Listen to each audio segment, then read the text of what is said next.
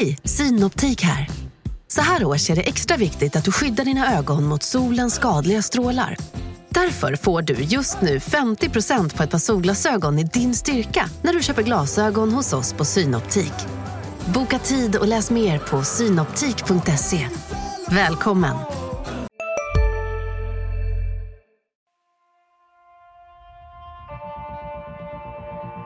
De kan skriva mina citat innan jag ens säger dem. Så eh, där har vi en dialog.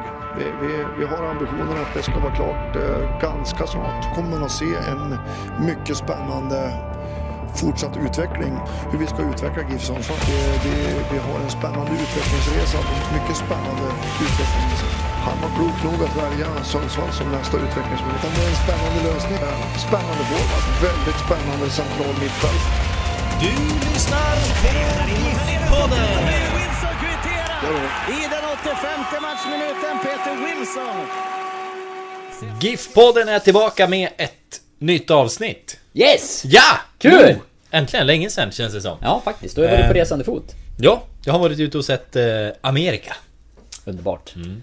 Fick ju se lite häftiga eh, bilder och klipp som du hade tagit från flyget. Ja, Eh, Det såg läckert ut. ja fan. USA är bra. Jag kan, Mm. Är stort. eh, jag kan komma tillbaka. Jag har ju garvat åt alla USA-vurmare. Och... ehm, ja, jag vet inte, jag är...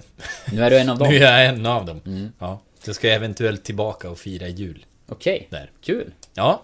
Jag har Så- aldrig varit i USA heller så att eh, jag måste också göra debut snart. Mm, jag tar med dig och gå på Galaxy.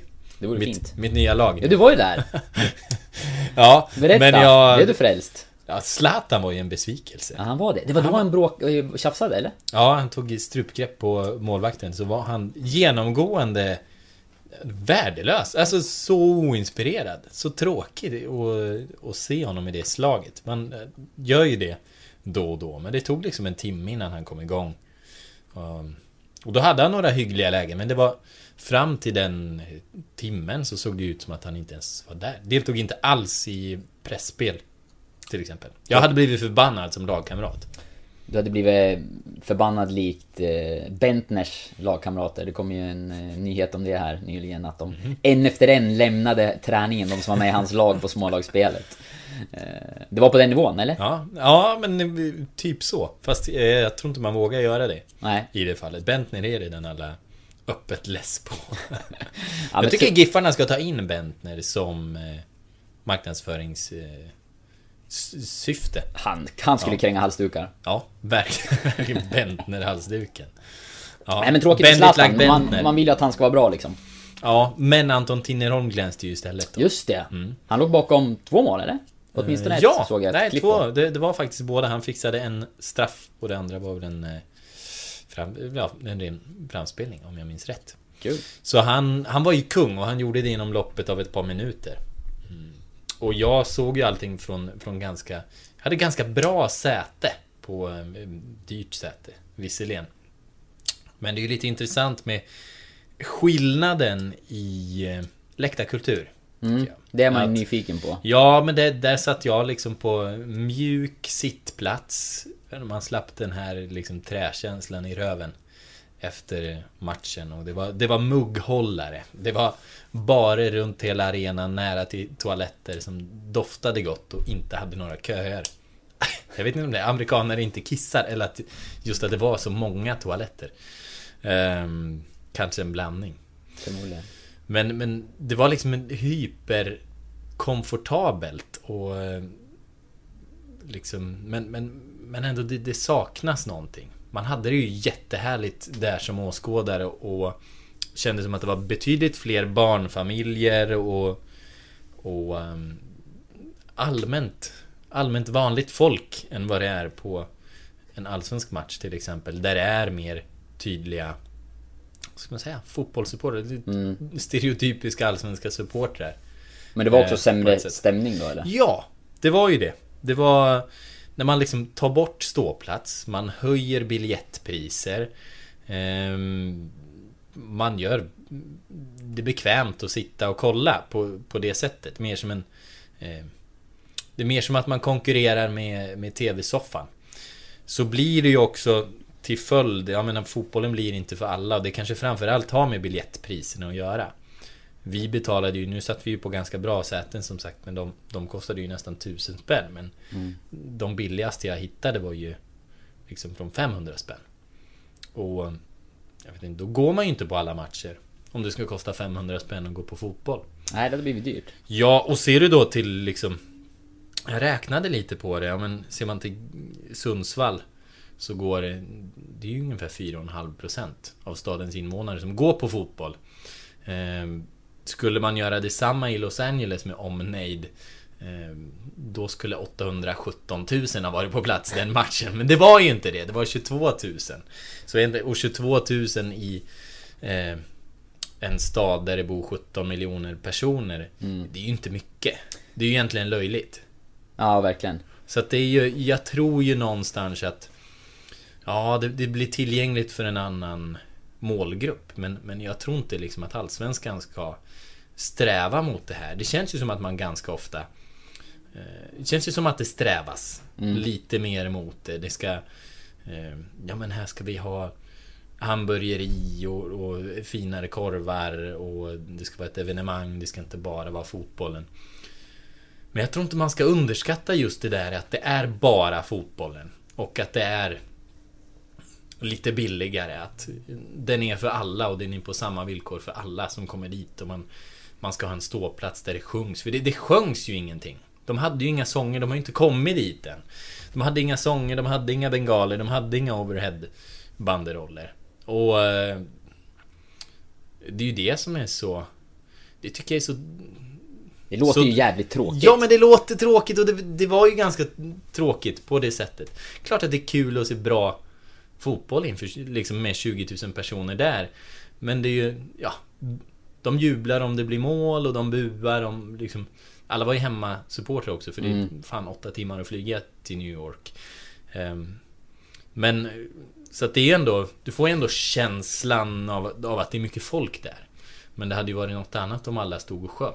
Du var inne på det, det var nästan bland det första du sa, att det kändes ändå som det saknades något ja. och det tror jag eh, att det hade gjort, ja. liksom om man hade gått den vägen i Sverige. Det är klart att man kan kanske ta vissa steg för att göra det, eh, ja men nå en lite bredare målgrupp och mm. liksom göra det lite mer jag vet inte om bekvämt, jag gillar inte det ordet, men eh, det behöver inte vara så bekvämt. Men, men alltså att, eh, att det finns något mervärde mm. när man är på matcherna mm. jämfört med att sitta och se den hemma i TV-soffan. Förutom just känslan av att det är live. Men eh, det största liksom, eller ett av de största mervärdena med att vara på plats, det tycker jag, det är ju stämningen.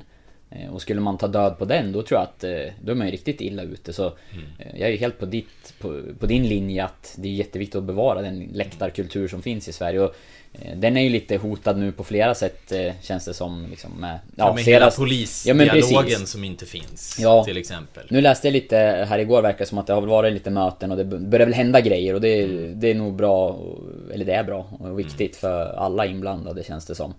Eh, men eh, men liksom att vi behöver behålla supporterkulturen i svensk fotboll och att den är en viktig del för att allsvenskan ska vara liksom populär. Eh, det är ju solklart. Jag vet Enok Goitom som ja, AIKs lagkapten var ju en av de som gick ut och pratade här nyligen om liksom hur pass viktigt det är med supportrarna och vad de, vad de gör för svensk fotboll. Och, mm. Eh, det är ju sportsligt en rätt medioker liga får man säga men intressemässigt, titta på fansen så håller ju riktigt hög klass tycker jag jämfört med det man har sett när man har varit ute i Europa och sett det, fotboll på olika Det är tydligen håll. bara Israel som har samma publikutveckling som, som i Sverige. Eh, och det är ju någonting att ta fasta på. För som vi var inne på förut, och jag hänvisar gärna till den när jag pratade med eh, fotbollsforskaren Torbjörn Andersson. Så eh, pratade ju han om, om att... Eh, eh, nu höll jag på att komma av mig för jag tyckte ljudmätaren såg så låg ut. Men, men det var att Sundsvall hade rätt bra siffror va? Utifrån ja, Sundsvall hade rätt, rätt bra siffror och om man jämför med eh, ute i Europa och Ukraina, Tjeckien, Grekland. Alltså, de har ganska låga publiksnitt jämfört med Sverige överlag. Där i snitt i ligan så är det 4000 åskådare i de ligorna och några lag liksom drar eh, 500 personer. Och det, det är ju ingenting, speciellt med tanke på att de har några riktiga storklubbar som som ju drar mer i de ligorna. Men här i, i Sverige som är ett ganska litet land och Sundsvall som är en liten stad så har vi så pass mycket publik ändå. Det, det är ganska bra.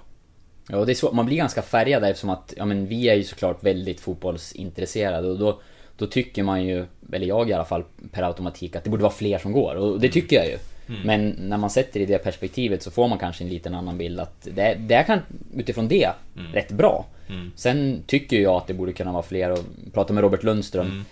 Tidigare GIF-spelaren och, och Sundsvallskillen här i veckan och, och, och han Dels så var han inne på att han tyckte att det borde vara fler åskådare på matcherna. Eh, men han vill ju också slå ett slag för Giffarnas supportrar och, och hylla dem lite grann och det tycker jag kan vara på sin plats. Framförallt när det har varit liksom, det var stök i samband med Örebro-matchen och det är ju såklart, ja men oacceptabelt och, och eh, något som inte hör hemma kring fotboll, att det blir bråk och onödigt mycket tjafs. Men eh, det har också varit en, en grym utveckling tycker jag på läktarplats. Mm. nu med nya ståplatsläktaren som GIF-fansen har och liksom den ljudkulissen som är nu är ju, den är ju bättre mm. och, och, verkligen på uppgång tycker jag. Och det är ju tråkigt att det liksom är på läktaren som det kommer en massa förbud mot de här banderollerna. Man har intima visitationer. Ehm, ja, vad, vad har vi mer? Ehm, ja, men bengalerna förstås. Det, det, är liksom där som alla de här förbuden kommer. Men egentligen är det ju inte på läktarna som problemen är slagsmålet liksom ute på stan eller vad det nu var. Jag såg våra rörliga bilder och den tyckte jag att den mest aggressiva på den bilden, det var ju faktiskt en polis, ska jag säga, men utan att ha hela bilden. Men på just de bilderna vi publicerade på ST. Ehm, och, men, men det är ju på läktaren som det är lugnt. Men det är där vi har en massa... Det är där det ska införas en massa förbud. Och någonstans måste det väl ändå vara... Det är väl inte där som, som det stora arbetet behöver göras utan det är ute på stan. Och jag menar jämför det med vilket annat evenemang som helst, festivaler eller vad det nu kan vara, där det finns fulla människor. Vilken fredagkväll eller lördagkväll som helst, där det finns fulla människor så kommer ju grejer att inträffa. Ehm, och i samband med fotboll så, så dricks det en del bärs. Men min upplevelse är väl ändå att på läktaren skärper man till sig, man står ofta med likasinnade det är sällan där bråket är. Även om det skriks en del. Och det sägs en del. Men då finns det ju också andra platser än ståplats. Att ta sina barn till. Det, det vet jag var någonting man diskuterade efter just Örebro-matchen Att man kanske ska titta på mm, när man lägger matcherna. Tider mm. och dagar. Eh, mm. Nu var ju det sent en lördag, eller hur? Eller eftermiddag i alla fall. Jag vet inte. Jag var i nu är idag... Jag var i en annan tidszon. Ja, och jag är det just nu känns det som. Ja. Men eh, jag tror det var så. Jag vet att man pratar om just det i alla fall. Att ja. Just eh, liksom, när man lägger matcher. Eh, så det är ju någonting man kan ha med sig när det gäller just det du är inne på med, med alkohol och sånt också. Så att, ja, men... Eh, summa summarum av där vi började då med mm, liksom, ditt besök i USA. Mm. Vi vill inte att svensk fotboll ska gå den vägen, åtminstone inte för långt. Eller hur? Nej, jag, jag, jag tror vi ska ta vara på det som vi har som USP här. För det vi konkurrerar med det är Manchester City och PSG och, och, och Barcelona på TVn. Mm. Folk kollar på det. Det är komfortabelt. Och då tror jag att då ska vi erbjuda någonting annat än just komfortabelt. För vi kan inte mäta oss med perfekta soffan och bilden och, och ljudet hemma. Så att, eh, nej, så jag, jag tror på det. Jag tror på den vägen. Jag är med dig. Värna om bengalfolket. Och så vidare. Och det är ju, men när vi är inne på publik och kommer man ju liksom osökt in på publikintäkter också. Ja. Eh, vilket ju är en viktig del för att eh, få en förening att gå runt och få en ekonomi i balans, vilket Sundsvall har en del problem med just nu. Ja, det nådde ju mig eh, där bortifrån också. De ekonomiska problemen och, och hur reagerade du? Presskonferensen. Någonstans inte med eh, förvåning. Jag blev nog mer förvånad över andras förvåning. Alltså... När man såg... Ja men... Till exempel att, att Hans Selling var förvånad som ordförande. Någonstans ändå... Eh, det har du varit inne på när vi har pratat så... Någonstans kände han ju ändå till budgeten som hade lagts. Men... Eh, och, och, vi har ju anmärkt på att varför budgeterar de för att sälja för 5 miljoner? Det, Det låter ju orimligt. Man har inte så mycket som är säljbart. Det, det är en väldig chansning att ta. Så att... Jag vet inte, men, men... Ett sånt här underskott. Ja, det är stora pengar. Jag blev, jag blev själv blev nog mest... Man, vi fick höra att det skulle vara en presskonferens och skrev om det under torsdagen. Sen kom också pressmeddelandet där det liksom stod att det skulle handla om ekonomiska läget och organisationen tror jag. Mm. Och man förstod ju och hade hört också att det förmodligen skulle handla om ett, att man låg rätt illa till.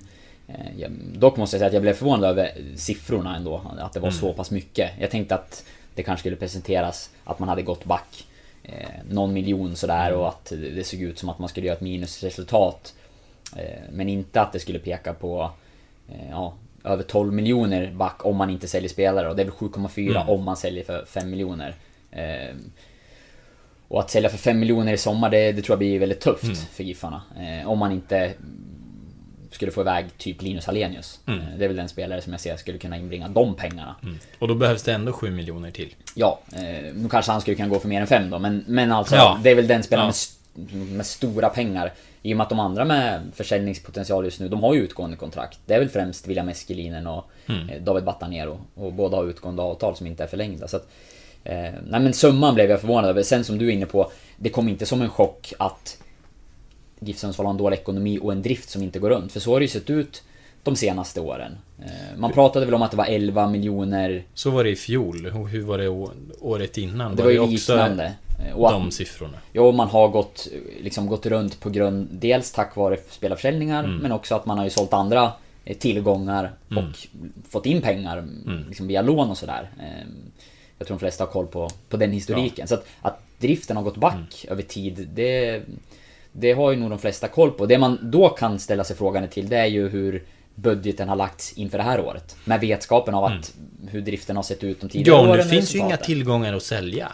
Nej, det är ju spelare då. Mm. Eh, och, där, och då, även om man har budgeterat för 5 miljoner, men då slår ju budgeten ändå liksom mm. grovt fel med så, så, saknas ytterligare 7. Ja. Även om man nu skulle lyckas sälja för 5. Så sent som i höstas eh, var jag här på någon träff inför en GIF-match och lyssnade på EY, Allsvenskans revisorer. Där för övrigt Jonas Sankala jobbar. Mm. Mika Sankalas son. Eh, nej men och de sa ju att allsvenska klubbar ska inte budgetera med spelarförsäljningar. Eh, och Giffarna hade gjort det med någon miljon här och där, men nu är det fem mm. plötsligt. Mm. Efter den väldigt tydliga rekommendationen så, så hör vi ändå att Giffarna budgeterar för fem miljoner i spelarförsäljningar. Ja, det står också i... Det kommer ju en rapport varje år mm. hur mår svensk elitfotboll mm. eller hur mår allsvenskan. Precis. Mm. Och även Marcus Danielsson är med och hjälper till där. Ja, just jobbar det. med den där... Ja. Eh, den... Eh, ja, undersökningen är det väl. Eh, och den läste jag här under våren och, och det står ju samma sak där att... Det man ska ha med sig, det är ju att de flesta klubbarna behöver ju sälja för att eh, göra bra resultat. Mm. Och att liksom spelarförsäljningarna är en jättestor del av att Allsvenskan går runt. Och det är också tydligt i den här, eh, i den här rapporten. Men eh, det är ju ändå ett steg till att dels budgetera med det överhuvudtaget eftersom det är så pass osäkra siffror. Man, de förespråkar ju att man ska se det som bonus, pengar mm. som kommer in. Ha en drift som går runt och sen är spelarförsäljningar det som gör att man kan bygga upp en ekonomi. Eh, men att också göra 5 miljoner är också en hög siffra. Mm. Nu har ju GIF sett över några år sålt ungefär i det liksom, snitt per år. Men då mm. har man ju också gjort flera stora spelarförsäljningar de senaste åren och det är ju inte givet att man lyckas Nej. med det varje det, säsong. Det handlar ju så mycket om timing. I ålder och hur långt är det kvar på kontraktet och får den här spelaren chansen? Om du tittar på GIF så här, Paul Moreno kanske har en Eh, lämplig liksom kontraktslängd kvar, för han har väl över nästa år också va? Men, och, och är i en bra ålder. Men han är ju en spelare som inte får chansen. Och, ehm, ja men sen är ju så här, Batanero och Linus och allt vad de heter. De är ju för gamla. William Eskelin är en lämplig ålder, men där är ju kontraktet liksom inte i timing med, med att sälja honom. Så att det, är ju, det finns ju inte så mycket att sälja. Det handlar ju om någon, någon miljon här och någon miljon där. Så att det knappt är värt att sälja. Nej, och det är ju... Alltså om man tänker eh, att liksom matcha in unga spelare om man kommer in på det spåret, vilket mm. jag tror kommer bli en nyckel för Giffarna i framtiden. Eh, att fostra egna spelare, låta dem spela i A-laget, de kommer vara billigare att... Eh, ja, dels att få fram för det handlar inte om att man behöver köpa in någon och billigare avtal också till en början innan de slår igenom. Mm. Och sen att det finns en försäljnings potential på dem. Mm. Och det ser man ju nu tycker jag, Giffarna har tagit steg i att få upp spelare i truppen. Så senaste matchtruppen så var det väl fyra egna talanger som satt på, på bänken och fanns med mm. i alla fall. Eh, och sen har man ju Linus Alenius på plan som också är, är fostrad i mm. Sundsvall. Tobias Eriksson som också har varit här som ungdomsspelare. Så det är ganska många så, men just de här unga killarna som kommer upp. Eh, men nu är ju steget att de måste få spela. Mm. För hur den är så, i de senaste matcherna, nu spelar vi in där innan matchen mot AIK kan vi ju ja, säga, för det kan ju hända mm. att det blir något inhopp där. Men då har man ju inte ens valt att gjort de sista bytena. Eh, och jag tror att... Eh, ja, det är en balansgång där såklart, att man ska prestera sportsligt och spela bästa laget, men för liksom... För föreningens framtid så tror jag att man måste våga släppa in de här unga spelarna i Allsvenskan också, i matchmiljö. Mm. Så att de kan visa upp sig och därmed bli attraktiva för andra klubbar. Typ Benjamin Nygren, IFK Göteborg. Mm. AIK har vi några exempel mm. också, vi är inne på den klubben. Alltså Hammarby som gjorde en stor försäljning nyligen. Alltså det, det gäller verkligen att låta de här eh, potentiella guldkornen eh, få chansen att visa upp sig. Och slå dem så, då, då finns det både pengar och liksom sportsliga prestationer att hämta mm. där. Ja, för de är ju ändå pojklandslagsmän. Och det är Benjamin Nygren också. Det, hur stor skillnad kan det vara? Nu är han ju väldigt speciell liksom, men... Någonstans... Ja... Pilla in dem. Ge dem chansen. Låt, låt dem växa. Um, nej, så jag... Det tycker jag, men, men... Som vi var inne på med... Eh, Hans Selling där, hur, hur han uttryckte sig. Eh, som jag reagerar på från USA tyckte jag var väldigt intressant. Eh, jag tog över en budget som visade plus 188 000. Sen efter en snabb genomgång ser man att vi har backat 11 miljoner per år de två tidigare åren. Och nu visar resultatet på minus 7,4. Så det är klart man känner sig lurad. Det är inte bara jag utan organisation, medarbetare och styrelsen känner sig lurade. Säger Hans Selling. Och det här, jag känner vi, vi måste bara recappa det här ändå som eh, faktabas någonstans. Vi har ju redan konstaterat det. Att eh, det är konstigt. Man måste ju ha känt till det här innan. Alltså när man tar över en organisation så läser man väl budgeten. Den kan ju inte ha dykt upp nu i, i maj. Det, det, det är inte nu man en, kan känna sig lurad. Vi har ju fått en del frågor kring det där på vilka siffror mm. det är som har liksom hemlighållits eller så. Vi har ju ställt frågor om det också. Jag har ju mm. själv pratat med, med Johan Nikola till exempel, tidigare mm. ordförande, som Eh, och frågat liksom, fanns, är det siffror som inte har redovisats och sådär? Vi har ju inte liksom... Eh, jag har inte hittat någonting. Eh, sen kan man såklart fortsätta leta, men vi har inte hittat någonting som har visat liksom att... Eh, vilken del som har mörkat sådär. Mm. Sen är det väl säkert så att man inte har kanske... Skyltat med allt om hur, hur illa ställt det har varit. Jag, jag vet inte. Men... Eh, eh, ja, som du säger vi vet ju att ekonomin över tid har varit dålig, att driften inte har gått runt. Det var ju liksom inga, för mig i alla fall, inga nyheter att driften har backat ordentligt. Det har vi rapporterat om tidigare också. Eh, och vi har skrivit om hur, hur GIF har fått det här plusresultatet som nämns. Och det mm. var ju via försäljningar och, och lån och, ja, och så vidare som vi var mm. inne på tidigare. Så det har man ju känt till. Eh, däremot fortfarande är det väl så att budgeten som, som det hänvisas till den var, ju, den var väl lagd sen tidigare. Så att mm. jag förstår att man inte är nöjd över den budgeten. Mm. Men, eh, men absolut, som någon... du säger, man, man, kan ju ta del av den också. Och liksom ja, och någonstans fall... är det ju ett årsmöte ja. väl? Där man måste, där måste man ju kunna stoppa det. Om man inte tycker att den är bra lagd. Jag, jag tycker också att liksom det, det, är ju många, det är ju en hel styrelse och många personer inblandade så mm. det är ju liksom, det är många som ska ta sitt ansvar mm. i, i den frågan när det mm. gäller att sätta en budget. Eh, jag hoppas att det är flera eh, ett mm. gäng inblandade när man gör mm. det. För det handlar ju inte om några liksom, det är mm. inga oviktiga saker det här. Mm. Eh, så att, och är det så att liksom det har skötts på ett, på något... Ja, budgeten är inte bra, det kan vi konstatera. Mm. Men hur, om det har skötts också liksom på typ ett slarvigt sätt mm. eller så, då är det ju riktigt alarmerande och så här. Och det känns ju som att man... Ja, budgetarbetet inför nästa år, eller det som man hoppas pågår redan nu, känns ju brutalt viktigt alltså. Ja, för då liksom för det här, tycker jag, att säga att man känner sig lurad eh, Det är ju både att underkänna den tidigare styrelsens arbete och det gör väl ofta styrelser, det hör väl saken till. Men det här är en medlemsstyrd förening. Medlemmarna har röstat igenom det här. Eh, man har inte lagt upp någon, någon alternativ budget. Och det kanske man inte hinner på den tiden. Jag vet inte, jag vet inte hur, hur det funkar. Nej, och det är ju här man Men- funderar på om men- det, men det det här liksom- man inte har fått ta del av. Den har ju ändå liksom, godkänts och, Ja, det har den gjort. och det att underkänna de, de som godkänner det. I en medlemsstyrd förening. Och det, Alltså medlemmarna. Ja, det är ju där man kanske då undrar vilket underlag har, har funnits? Har man fått ta del av allting och sådär? Och ja, det är ju jättesvårt att svara på. Jag, jag har inte någon kännedom om att det är något som inte har liksom redovisats eller, eller mörkats där. Eh, en- Så att... eh, Ja. Sen- Sen, sen- sen, är det ju alltid så här, det är ju som, det är medlems... eh, Medlemmarna som, som liksom bestämmer i slutändan och det, det kan man väl...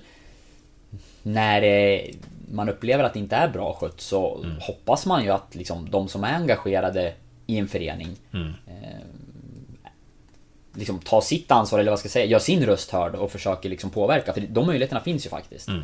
Eh, Så det tycker jag man ska göra om man är medlem och, eh, och brinner för en förening. Mm. Eh, Det är ju liksom, det är ju det fina vi har med svenskt föreningsliv att det, fi- det finns möjlighet att påverka som, som medlem. Mm. Och det, det tror jag att man ibland ska påminna sig själv om att man har faktiskt den möjligheten. Sen kan man uppleva kanske att den är liten och sådär men tillsammans så kan medlemmarna vara väldigt starka. Det har vi sett i andra ganska stora föreningar där man har liksom genomfört förändringar i styrelse eller gällande ordförande och sådär att medlemmarna har Ja, det har väl kallats kuppat igenom i vissa fall då men alltså med sitt stöd sett till att få en ordförande som man tror på och liksom eh, backar sådär. Så att det är ju, eller styr, inte bara ordförande, styrelse överlag. Det är väl en del. Så tittar man på Stadsbacken då, de ska man väl möta i kommande vecka och diskutera Ja, med. precis. Men på förhand så, så har ju vi har ju skrivit en grej med Stadsbacken. Ehm, det var Sara va? Som hade pratat med dem. Ja, Ja. stämmer. Eh, nej men det där uttrycker ju Pernilla Berg som är eh, ordförande i, i Stadsbacken att eh, hur, hur kan man hamna i det här läget? Att gå från 188 000 plus till minus 12,4 mil, miljoner. Det låter ju helt förfärligt. Och ehm, det är ju det är också, det, det låter ju också förvånat. Återigen. Men där måste ju de också veta och sätta sig in i. För de, de har ju satt så hårda gränser att man får inte vara på eh, negativ kant om man ska få några bidrag från dem. Men hallå, man måste inte de ha koll då på att men driften har gått minus här flera år i rad? Där kanske de då borde ändra sitt regelverk. Jag vet inte, för det låter ju konstigt att här, här kommer att bli förvånad över man, det. Man skulle vilja veta, eh, eller jag skulle vilja veta lite mer kring eh, hur har man... eh, För de har ju fått någon form av liksom plan då och så här ser vi på vår ekonomiska situation. Det här är tanken att liksom, ja men tittat Mm. på budget så hoppas jag. Eh, Det skulle vara intressant att veta hur noggrant man har granskat det där och hur noga man har tittat på det. Mm. Eh, För att eh, Är det enda kravet som du, liksom, som du säger, plus? Nej men precis, som du säger så känns det ju som att när det handlar om så stora pengar Mm. så, så bör man ju verkligen... Nu är det ju hårda krav, vilket Ja. jag tycker är rätt också. Ja. Eh, sen kan man diskutera från fall till fall, det kanske finns lägen där man kan... Eh, ja, diskutera sig fram till alternativa lösningar. Nu har de ju en väldigt hård förhållningslinje i princip alla fall. Mm. Eh, känns det som. Om det är rätt eller fel, det... Om en yogamatta är på väg till dig, som gör att du för första gången hittar ditt inre lugn och gör dig befordrad på jobbet men du tackar nej för du drivs inte längre av prestation. Då finns det flera smarta sätt att beställa hem din yogamatta på. Som till våra paketboxar till exempel. Hälsningar Postnord. Var du än är och vad du än gör så kan din dag alldeles strax bli lite hetare. För nu är Spicy Chicken McNuggets äntligen tillbaka på McDonalds. En riktigt het comeback för alla som har längtat. Det låter jag vara osagt så, men jag tycker det är bra att man ställer, ställer krav i alla fall. Eh, Men frågan är hur pass, hur pass detaljerat har de gått igenom det här? Eh, För att... eh, Ja, innan man... Och, där, och då kommer man också till samma fråga igen då. Är det, finns det saker som de inte har fått se eller inte aktivt sett till att se? Förstår du? Alltså, jag menar inte att man har valt att att titta åt ett annat håll utan att man kanske inte har granskat det tillräckligt noga liksom. Ja. Eh, jag fick, på tal om det här nu, fick jag meddelande från eh, min bilservice. Något jag inte hade med i budget var att min bilservice skulle kosta 6500 kronor. Det här är tungt. Ha, hade du en, har du en buffert? Eh, jag har en liten, jag har Mm. en liten buffert. Ett litet positivt eget kapital. Ehm, Vilket ju underlättar sådana här gånger. ja. Men det är ganska minimalt när man har köpt en, en lägenhet precis. Så det här är... Ja, Salins tunga ekonomiska smäll. Så att man känner väl ändå förbrödring någonstans. Och... Eh, jag vet inte, någonstans i kristider är det de eh, liksom stora idéerna brukar födas. För då är de tvungna att födas. Och förhoppningsvis så dyker de väl upp. Men än så länge är planen Halsdukar? halsdukar. och det, och det, ja men det låter ju löjeväckande när man säger att men nu halsdukar ska rädda ja. allting. Och jag vill inte, jag vill inte låta negativ så. Det är ju klart, alla halmstrån är ju bra här. Så att halsdukarna, det, är- det är ju ett jättebra... Det blir ju uppenbarligen pengar. Det är ju ett bra initiativ och, och en symbolisk handling som, som förhoppningsvis kommer gynna. Men det är ju det, är ju hur det låter, halsdukar. Men eh, sen utökar man ju också området då där man ska sälja Mm. eh, på marknadssidan. Och de här två ersättarna som, eller tjänsterna som nyligen försvunnit då. När Peter Ny och Andreas Lindman har slutat. De ersätts inte riktigt, eller de, de ersätts Nej. det, det där Ja, det, man bättre. Säljare på provision. Ja, man anställer ju ingen liksom i dagsläget i alla fall. var väl det budskapet vi fick. Utan, Mm. eh, precis, så att där sparas det ju lite grann. Och sen det man märker tycker jag när man är liksom nära föreningen nu och befinner sig mycket kring arenan och ringer och ställer frågor och, och vrider och vänder på stenar så det är ju att eh, det känns som att man liksom eh, Ja men alla får hugga i lite på olika håll och kanter nu i klubben och, och ställa upp på och liksom försöka hjälpa till på de sätt man kan. Eh, men man vill ju ta reda på ännu mer om vad det finns det konkreta saker som de kommer att förändra nu. Till exempel eh, Det pratas ju mycket om, om sportens budget och det har vi fått en del frågor om också inför den här podden. Att man säger att sporten följer sin, eh, den budgeten som de har fått. Eh, vilket, de har inte gått över den så att säga de senaste åren heller som jag har förstått det. Eh, och det är ju bra. Eh, och jag förstår sporten fullt ut om man då får en budget från styrelsen. Det här är det ni har att röra er med. Och sen prioriterar man de pengarna. Bland annat så har det varit en del kritik mot att de åker dagen innan match och sover på hotell och sådär. Eh, och eh, från sportens sida så kan jag förstå att men vi får den här summan pengar. Vi väljer att banta vår trupp lite grann. Eh, vi väljer istället att åka och sova på hotell dagen för match för vi tror att det är viktigt för vår prestation. Alltså det är ju beslut som, man kan ju såklart ifrågasätta dem om det är rätt prio att ta en hotellnatt för en spelare eller sådär. Eh, men det är ju ändå liksom en bedömning som, som det sportsliga får göra på sitt håll utifrån de ekonomiska ramar som de får från styrelsen. Så, så den delen tycker jag liksom, det är någonstans en del. Men det är ju ganska tydligt att sporten har ju fått för stor budget. Ja. För den går ju inte ihop. Nej. Och därför borde man inte lägga lika mycket pengar på sporten. Och jag vet att man pratar om att det går inte att skära mer där. Eh, och eh, ja, går och går. Det är ju liksom... Det är klart att det går. Men bedömningen man har gjort är att in, inte för att klara allsvenskt spel. Eh, men om... Om det nu är så att eh, liksom en budget slår så pass fel som det nu verkar göra. Eh, att intäktssidan är såklart kanske den, den största delen, åtminstone en stor del. Eh, Men det är ju också att det, man måste ju skära i kostnader till slut. Alltså Ja. det, det finns ju inget Alltså- alternativ. om, man inte, om de pengarna inte finns, om man inte lyckas dra in dem, då måste kostnaderna ner. Allt annat är ju helt orimligt, tycker jag.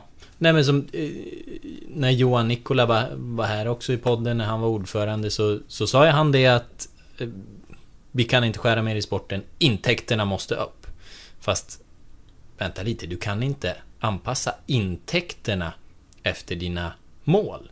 Däremot kan du anpassa målen efter intäkterna. Det är så här, jag kan ju inte, jag kan ju inte köpa en Porsche nu och sen bara säga att Nej, nu måste intäkterna upp för jag måste ha råd med den här bilen. Jag kan ju inte göra det för jag har ju en verklighet att förhålla mig till. Och varför ska man inte kunna applicera det på fotbollet? Ja, men nu har inte vi intäkter kanske för att vara en allsvensk förening eller vi måste vara på absoluta miniminivå. Och det är ett jättetråkigt tänk för man vill ju man vill ju drömma och nu är det så nära med, med nytt TV-avtal och alla de här bitarna. Så det är ju jättetråkigt att tänka så men man är väl så illa tvungen egentligen. För där handlar det ju om att hänga kvar i Allsvenskan eh, eller överleva som förening. Och det vore ju mycket tråkigare om Giffarna fick börja om i division 6. Så att, nej jag vet inte. Börja om med, med ett hållbart tänk. Det är ju inte säkert att man åker ut för att man satsar eget. Kalmar har ju den här som eh, Roger Franzén Mm. pratade om att tre egna spelare i startelvan. Och... eh, Jag vet inte, det, det har man ju inte provat än. Nej. Till exempel. Jag har en, plan här om att eh, liksom, kolla lite närmare på talangverksamheten nästa... Inte nästa vecka utan veckan efter när, när det är uppehåll. Eh, när det är matchfritt. Så då försöka liksom stycka ner den lite mer och kolla hur ser det ut och vad har man för planer och liksom, ja, vad vill man göra sådär. Och som vi var inne på, det känns som att det händer lite grann och det kommer en lovande spelare men det är du inne på, de måste in och spela också eh, för att det ska eh, bli ett marknadsvärde på dem och för att de ska kunna ta steg själva dessutom. Eh, Det, du är inne på det också med årets säsong, den är ju speciell. Eh, Och, och jag kan förstå att vissa klubbar kanske gamblar lite mer den här säsongen eh, för att man vet att det kommer in en del pengar sen. Men det är ju liksom inte så att bara för att man klarar sig i år så är allting löst. För att det, alla klubbar kommer ju få mer pengar nästa år och liksom det här kommer ju fortsätta och trappas upp. Så att att ha en ekonomi i balans är ju liksom, det är ju ett måste. Ja. Sen, kan det väl kanske vara så att klar- klarar man sig kvar i Allsvenskan nästa år så kanske det kanske blir lite lättare nästa år och man kanske kan eh, täppa igen en del svarta hål med de pengarna som kommer. Visst, men, eh, men de summorna vi pratar om nu känns ju som att de är liksom alldeles för stora. Ja. Nej men då jag tyckte det var intressant. Erik Fiedler skrev i höstas en grej, vår, vår kollega Erik Fiedler. Med eh, osynliga handen som ju har järnkoll på ekonomin i de allsvenska klubbarna. Och eh, osynliga handen, eller Kristoff Fågel som han heter, han sa ju det då att han tror att många klubbar kommer få ekonomiska problem. För det som händer nu inför den här säsongen, sa han, det är att man börjar ta av kommande års budget och skriver nya kontrakt med eh, det här kommande TV-avtalet som höjd. Och det ligger ju nära till hands att tro att GIF Sundsvall har gjort det. När man har till exempel eh, fått förlängningar med med Hallenius och med, med Juanjo till exempel. Eh, och Hallenius då som uppges vara bäst betald genom tiderna. Det ligger ju till hans att tro att Giffarna har gjort just det i och med att man budgeterar med 5 miljoner i spelarförsäljningar. Eh, med andra ord, det är 5 miljoner som saknas för att den här budgeten ska gå ihop. Så nu lägger vi till spelarförsäljningar som en oförutsedd kostnad. Och eh, det är ju helt enkelt det man har gjort. Men jag menar, tar man från nästa års budget, det kan bli problem med likvida medel, betalningsförmågan. Och det är ju precis vad som händer nu. Det är nära att man inte kan betala ut löner. Som jag, om jag inte har förstått det fel. Ja, De har ju varit tydliga med att de ska betala ut lönerna att spelarna inte behöver vara oroliga men, men eh, Ja, samtidigt, det var ju en skuld till kommunen nu som vi berättade om häromdagen. Mm. En eh, kvarts miljon. Som man inte kommer kunna betala. Eh, Det var rätt tydligt att det finns inga pengar så vi kan inte betala den. Man prioriterar att betala lönerna och sådär först. Och så. Mm. att, Men lönerna tror jag verkar vara lugnt. Det är de uppgifter som, som Mm. liksom spelare och ledare har fått i alla fall. Men eh, men ja, det finns ju ingen eh, Det är inget kassaskåp där liksom fullt med, med pengar att använda sig av, så är det ju. Rekommendationen då från osynliga handen var ju att ja, det här TV-avtalet kommer finnas kvar även nästa år. Så han hade ju sagt att många klubbar kommer storsatsa nu för att hänga kvar. Men eh, alla kan ju inte spela i Allsvenskan kommande säsong. Några kommer misslyckas. Några kommer åka ur, några kommer inte lyckas gå upp från Superettan. Därmed kommer de få ekonomiska problem för de har redan tagit från kommande års budget. Och ehm, det, han sa att det man kan göra, sitt, sitt lugnt i båten. Använd dig av en budget som håller. Och eh, nästa år istället dra nytta av alla klubbar som fick ekonomiska problem. Och segla förbi dem då med en ekonomi i balans. Så att... Och, och nu får man ju lite känslan av att det har man inte gjort i det här fallet. Och eh, ändå någon slags broms hör man ju från Urban Hagblom när liksom vi kan inte höja budet mer till Batanero eller eh, skriva kontrakt med Eskelinen för de pengarna finns inte riktigt än. Och det är ju bra. Där är det ju lite sunt. Och det är väl just det att sporten har sin budget att förhålla sig till. Och det har man gjort bra. Det går liksom inte att kasta någon skugga på Urban Hagblom då. Han har fått sin påse med pengar. Men... Eh, ja, men uppenbarligen är den påsen för stor. Så han, han kanske får det jättejobbigt sen. För det Ja. kommer ju någonstans till Hur ska man banta truppen? Ja, Där tycker jag att vi ska Det tycker jag att vi ska ge oss på. Nu här, några minuter innan du måste jag vidare bara, Ja precis, men jag vill Mm. bara peta in där också att jag tycker liksom eh, Att eh, eh, Vart vill jag komma nu? Jo men med eh, När det gäller liksom hur man hanterar eh, Vi var inne på det lite tidigare också just det där liksom med öronmärkta pengar eh, Hit och dit. Och det är liksom som, som vi sa då att man, de får ju en budget att förhålla sig till och jag tycker, följer man den så, så gör man ju någonstans rätt. Men sen är det ju också så att som förening, styrelse, eh, ja, de roller som nu finns, så kan man ju liksom dra in handbroms under en säsong också om man märker att Oj, vi har gett er den här budgeten. eh, Vi skulle behöva kapa den, vad kan vi göra? Och så sätter man sig ner tillsammans och hittar lösningar. Eh, liksom, så det går ju att justera den under säsong eller så också. Alltså det, och nu känns ju det som ett måste då, om Ja. vi tittar inför hösten.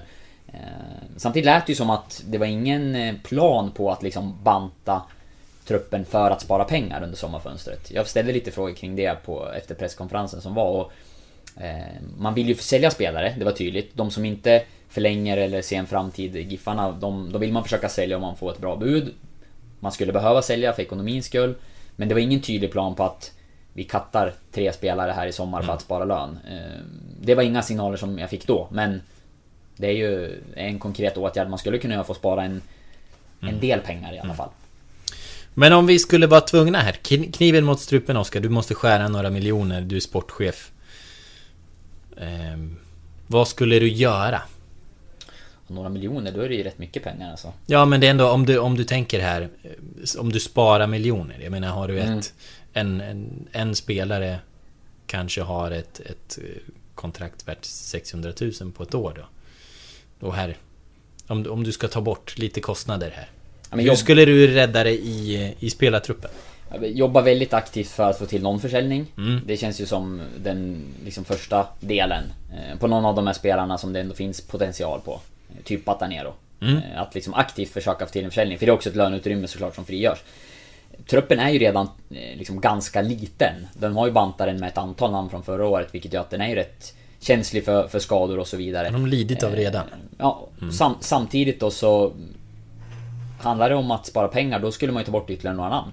Så är det ju. För att det finns ju nu då unga spelare på bänken som Tror man från föreningens sida skulle kunna klara sig i Allsvenskan och göra inhopp och då eh, Det är ju liksom en, en sist drastisk utväg kanske att släppa ett par spelare och liksom låta dem hitta andra klubbar men Samtidigt något som Joel Cedergren själv lyfte upp Kring till exempel David Haro Som ju jag tycker har sett spännande och intressant ut eh, Både på träning och när han har fått komma in och eh, En spelare som, liksom, som jag tror kan göra skillnad Men används han så lite som han har gjort Då ser jag inte liksom, att det är ekonomiskt försvarbart att eh, ha en sån liksom, etablerad spelare i truppen eh, När man har en ekonomi som ser ut som den gör. Så då tycker jag liksom, det är ju en spelare eh, Trots att jag själv gärna hade sett mer av honom rent sportsligt För det finns något där tycker jag. Så, så som han används under våren, sett till det Ja, då är det väl en, ett löneutrymme till exempel. Vem, vem skulle du ersätta honom med? Vem, vilken... Här blir det ju juniorer då Som du får lyfta upp Ja, Säljer David här och vem, vem tar hans plats? alltså startplats har han ju inte haft liksom. Nej. Så att eh, på det sättet Vem så gör om hans inhopp?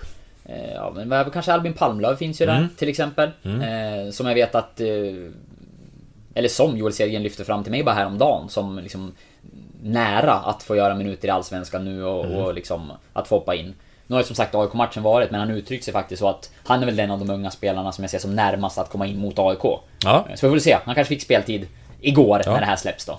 Spelar, spelar ju på helt rätt position då. Ja. För att få speltid. För annars så är det Batanero och Thierkoles som man eh, liksom får slåss med. Och Tobias Eriksson. Mm, och Så då är det ju tuffare då. Ja. För Paja Pitschka. Precis. Han, Och han är också Jesper Karlström. Det är väl spelare såklart som, som är med och konkurrerar Mm. och framförallt Paja som har varit uppe en ganska lång tid men, men han har ju väldigt tuff konkurrens på just sina positioner vilket Mm. ju gör det svårare för honom. Eh, skulle Batanero bli såld Då är det väl naturligt att det är Tobias Eriksson som blir Mm. spelaren som liksom ersätter honom i elvan. Mm. Men det skulle också då göra att en sån som Paja eh, kommer få minuter. Mm. Nu har i och för sig inte Tobias Eriksson fått inför AIK-matchen fått många minuter alls på Nej. slutet men eh, Ja, han skulle i alla fall ligga närmare till hands i så fall. Okej, inte, vad, vad har vi mer då? Då har vi sålt... Vi har sålt Batanero. Vi har sålt David Haro. Mm. Eh, skulle du sälja någon försvarare här också? Vi ska, nu, nu uppskattar vi lite då här. Batta ner och säga det är en miljon om året och, och här och... Här har vi en miljon till som vi sparar. Vi säger det. Ungefär. På ett ungefär. Mm. Vi har inte riktigt deras lönesiffror. Ja. Mm. Men... ehm, vi, vi ska spara någon miljon till här. Oskar. Jag är styrelsen. Eh. Vad, har du någon back? Just nu är det ju ganska tufft där ändå, Mm. för att eh, nu går Jerker Brukander skadad. Ja, det får han ju sluta med. Ja. Eh, Då är det lite lurigare där. Så att... eh, Men du har ju ett alternativ i Theodor Stenshagen.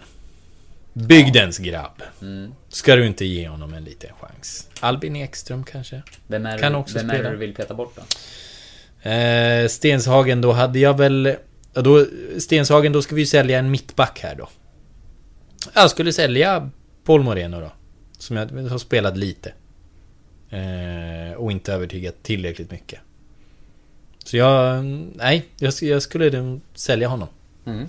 Han har ändå kontrakt över 2020. Det finns ett litet försäljningsvärde i honom kanske. Men det blir ingen toppförsäljning. Men du får några kronor in och sparar in lite lön. En, en annan som det finns eh, lite försäljningspotential kring och jag tror som säkert har varit lite intresse på det är Carlos Moros Gracia skulle jag tro Mm. att efter förra säsongen så var det säkert lite klubbar som hörde sig för och hade kunnat tänkt sig att betala Mm. lite grann för honom. Eh, nu har jag en utgående kontrakt. Jag vet att GIF har Mm. börjat prata med honom och vill förlänga och det tycker jag är rätt. Eh, det är ju en spelare som de ska försöka behålla. Men om vi tittar försäljning så han kanske hade kunnat inbringa någon krona i alla fall, även om kontraktet är på Mm. Ja. utgående. Hans... Eh, ja men där kanske. IFK Göteborg säljer Benjamin Nygren för 50 miljoner. Eh, Lägger 10 på Carlos. Du har... för du har ju eh, Ferhan Sibila-kopplingen och eh, du har ju det att han, han gillar ju Ullevi för att eh, Valencia vann Europa League. Aha. Eh, berättade han i podden. Jag- Så jag vet inte, det är ju en vag koppling. Men Mm. eh, kanske det kommer ett litet bud. Jag fick en, eh, jag kanske ska outa det här i i podden, det kan vi göra. Eh, apropå Ferhan Sibila och IFK Ja. Göteborg. Eh, Jag kontaktade Ferhan härom, häromdagen Mm. och ville göra en intervju med honom. Eh, Utifrån liksom succén i, i Göteborg och Mm. såklart även prata om tiden i Giffarna och hur han ser, ser på dem nu. Eh, Men eh, han, eh, han vill inte göra den just nu. Nej. Av hänsyn till Giffarna. Att de var inne i en tuff sportslig period. Ja, han, fint. han tyckte det kändes fel. Eh, men det är fint. Så han sa att återkom gärna när... Ja, vi får väl se. Det kanske blir under ett uppehåll Mm. eller sådär. Men det- han, han tyckte att den eh, liksom... Ja, han vi gick inte in så det, det var via meddelanden där så att vi gick inte in och detaljerade på det. Men jag antar att det var liksom respekt mot hans tidigare klubb att... Nej, just nu tyckte han timingen var fel. En fotbollskonsult med lite hjärta. Jag tyckte det var fint. Jag tyckte Ja. det sa någonting. Ja. Ehm, och... Ja, det är ju det är en del som har varit liksom på honom där för flytten och så. Mm. Ehm, och jag kan väl till viss del förstå GIF-supportrar som blir upprörda så. Men jag, fatt, jag förstår ju också skälen som han nämnde och... Då nu tänker hörde jag- man sig in i hans situation. Ja men nu hörde jag att han, han hade visserligen inte varit hemma till Barcelona så mycket under den här våren för det har varit mycket och sådär. Så på så sätt höll det väl kanske inte helt då. Men Mm. visst är det väl ändå en skillnad att eh, flyga direkt till Barcelona från flygplatsen där kontra att sitta på ett tåg från Sundsvall till Arlanda och tajma det eh, samma på vägen hem. Det är ju liksom en dag som försvinner. Eller ännu värre Y-buss som jag Ja. fick ta här från Arlanda. Att, Sex timmar när du har flugit Ja men jag, jag har sett att han har fått en del 17. kritik för det här och jag, jag, alltså, jag tycker den förklaringen håller. Mm. Ja. Vet inte, är jag... Ja. Är man, Nej, är jag man är- blåögd då eller? Jag, jag, Nej men jag, jag kan ställa mig på hans sida i det.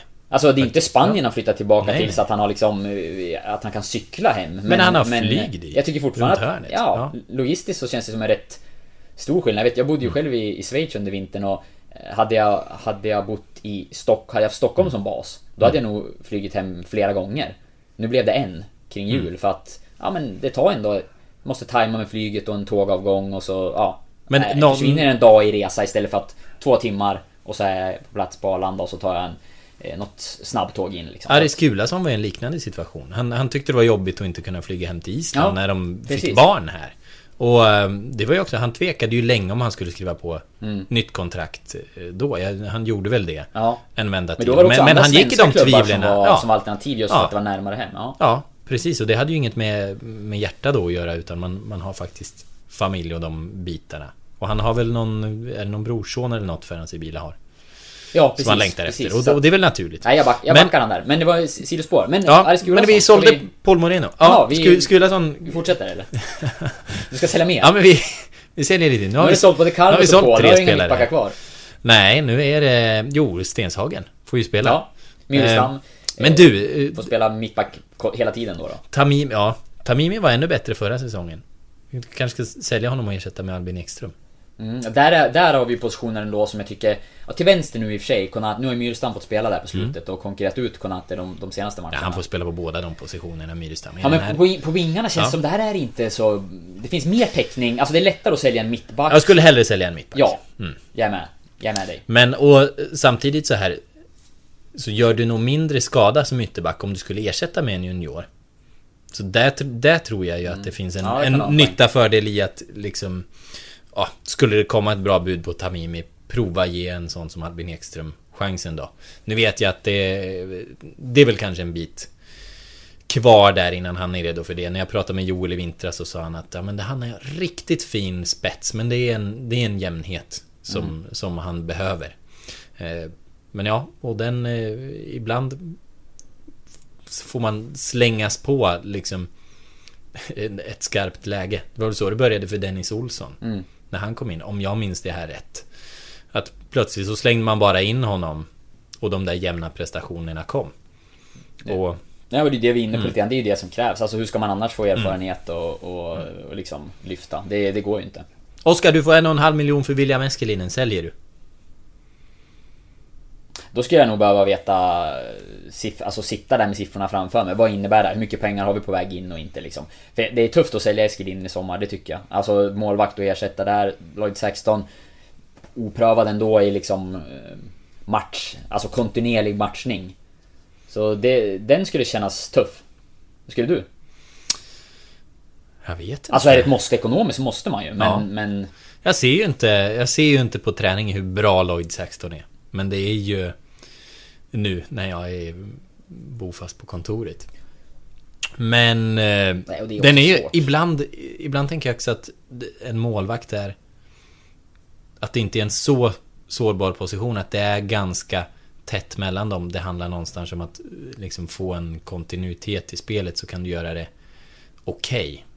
Jag tror en sån, det här har jag Nu är det jag som teoretiserar Men eh, till exempel Ali Keita i eh, ÖFK Hade inte han fått förtroende Konstant så tror inte jag han hade varit en så jäkla bra målvakt För att han är så fladdrig med, med fötterna och, och gör Tabbar Men i och med att han konstant får chansen så Så har, har han ändå någon slags självförtroende Du har någon viss timing eh, Liksom den här, du har vanan inne Lloyd 16 har inte vanan inne. Men skulle han ha vanan inne så skulle han säkerligen vara en bättre målvakt. Ehm, William Eskelinen är både kompetent och har vanan inne. Så att... mm, Ja.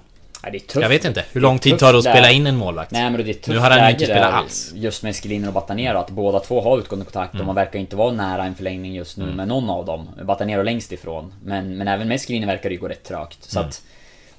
Det är tufft just nu och det är också så här. jag tycker att det är positivt, eller bra att, att GIF Sundsvall är, att man är transparenta. Man pratar om att man ska börja vara det. Känslan är att man har varit ganska öppna med ekonomin de sista åren ändå, tycker jag, utåt. Sen kanske vi, det är svårt för oss att veta om det finns massa eh, hemligheter som inte vi har fått reda på. Men jag tycker det är positivt att man ändå väljer att, prata och öppen med det. Ehm, det negativa för föreningen är att man, en sån som, som Urban Hagblom hamnar i ett helt bedrövligt förhandlingsläge. Eh, både när det gäller att förnya kontrakt men också när det gäller att sälja spelare. För Mm. vilken klubb kommer betala ett överpris för någon av Giffarnas spelare Mm. nu? Ingen. Alla vet ju Ja. att det går att fynda. Och han kan inte värva en enda spelare från allsvensk nivå till kommande säsong. Känns det som. För de, de vet ju också om läget. Ja men och, tänk dig själv om det är William Eskelin eller David Batanero Mm. att förlänga med en klubb som har en så osäker ekonomisk situation. Eh, och som nu dessutom då liksom gått runt sportsligt. ja, då skriver du ju in outs i dina kontrakt. Såklart. Som Hallenius och Tamimi och Sema har haft liksom. Det gör du också i, i ett sånt läge. Ja, men jag, Mm. så att det, är- det är ju tufft liksom. Det är fan det är svår, jättesvår situation just när det gäller förlängningar, kontrakt, eller försäljningar och förlängningar. Mm. Eh, Det är jättesvårt alltså. Men att, att det skulle... Jag tycker ändå att det här att banta truppen, det, som vi var inne på, det lät inte som att det var liksom någonting man pratar om så mycket just nu. Jag, jag tror ju ändå att det kommer ske förändringar i truppen. Mm. Eh, Man kanske inte vill outa det heller, att man, att man ska liksom... Eh, komma överens om att bryta med någon eller, eller sälja någon eller så. Men jag, jag tror dels att man kommer jobba rätt aktivt för att få till någon försäljning. Och jag tror också att det kan bli så att någon kanske lämnar Alltså om man bryter med någon, man kommer överens om att vi går skilda vägar. För Ja. då frigör man ändå ett löneutrymme. Eller en annan, en, en annan klubb får bara ta över Exakt. Ja. I vissa fall de som har fått lite speltid så är det Det kan ju vara nog så bra ekonomiskt för Giffarnas del att Man släpper Mm. Ja. den lönekostnaden Ja. och ist- istället får ta en egen spelare eller ersätta med någon som kostar betydligt mindre. Vet du vad Oskar? På tal om att kosta betydligt mindre, det önskar jag att min, min bilservice gjorde. Men jag måste åka och hämta den här bilen nu. Eh, Jag måste Och du måste fortsätta jobba. Ja. Sista grej vi skulle peta in bara, det var ju att Aris Gulason, Mm, han har ju nämnts här, vi har ju pratat om honom några gånger. Han var ju aktuell för Giffarna, de försökte få honom. Det har varit en dialog här under våren. Han har... eh, Han är stolt över intresset, meddelar han, men han tackar nej. Mm. Eh, efter att det här med ekonomin kom, så känns det ju helt logiskt. För att Aris Gulason hade varit en dyr spelare för Giffarna, skulle ha haft en hög lön. Eh, och det hade varit en spännande, intressant och jag tror bra värvning. Och en, jag tror en person som kanske hade kunnat vara kvar i Sundsvall på sikt och bidragit i föreningen. Eh, likt hans vän Tommy Naurin. Även efter karriären. Men utifrån det ekonomiska läget, rimligt. Säljs Batanero i sommar, då Aris Gulason hade nog varit en för dyr ersättare för honom. Så att, eh, där tycker jag man eh, liksom... Nu vet inte jag hur buden har sett ut men...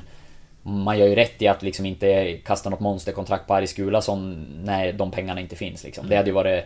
Ja, det hade varit riktigt galet i så fall så att... Eh, med facit i hand hur det ser ut just nu så var det kanske bra. Att, Ja. det, att det blev så. Även om jag gärna hade sett honom här. Jag med! Men det får bli slutord. Vi Vi rundar av. eh, har det gött. Eh, och kör hårt då Hämta på, bilen. på AIK. Matchen som spelades igår. Mm. Hej då! Hej!